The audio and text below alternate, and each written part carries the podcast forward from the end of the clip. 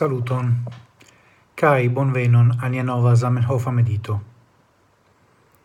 Hodio mi volas legi kai mediti kun vi sur quelcae vortoi de Zamenhof kiun li proclamis suffice forte en la parolado de la sesa congresso 1910, la lasta congresso en kiu li rolis kiel gvidanto oficiale dell'Esperanto movado.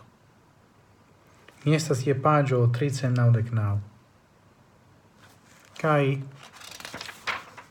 arande de la fino li diras la sekvon.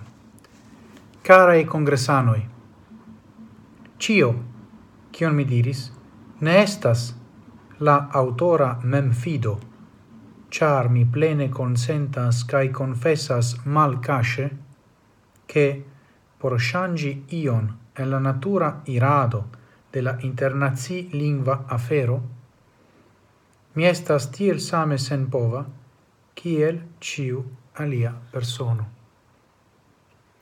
To Zamenhof agnoscas tre malferme cae forte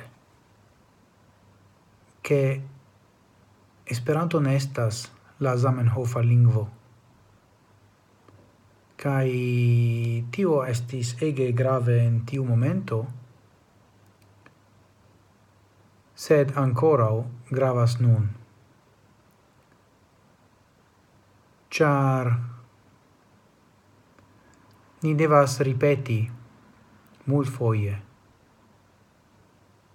che malgra la facto che Zamenhof estas la iniziatoro de la lingvo, la lingvo appartenas alla parolantoi.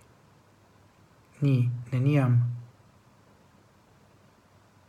uh, subtaxu tion, kai aparte ni substrecu la facton che iam Zamenhof consciis tre bone pre tio, cae sian tutan vivon li volis, li strebis,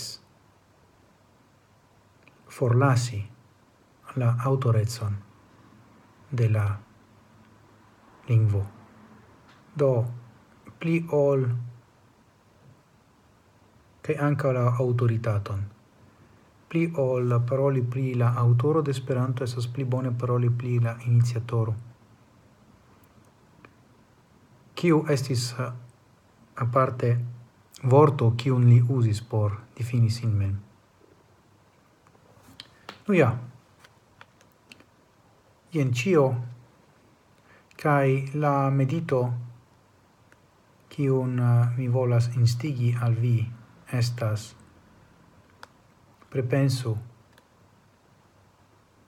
ciu opportunas ancora unun al extera publico clarigi tion, cae cia maniere pli accurate tion fari.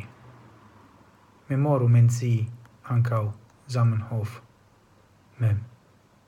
Dankon pro via atento, gis morgau, cae ciel ciam antauen, sen fine.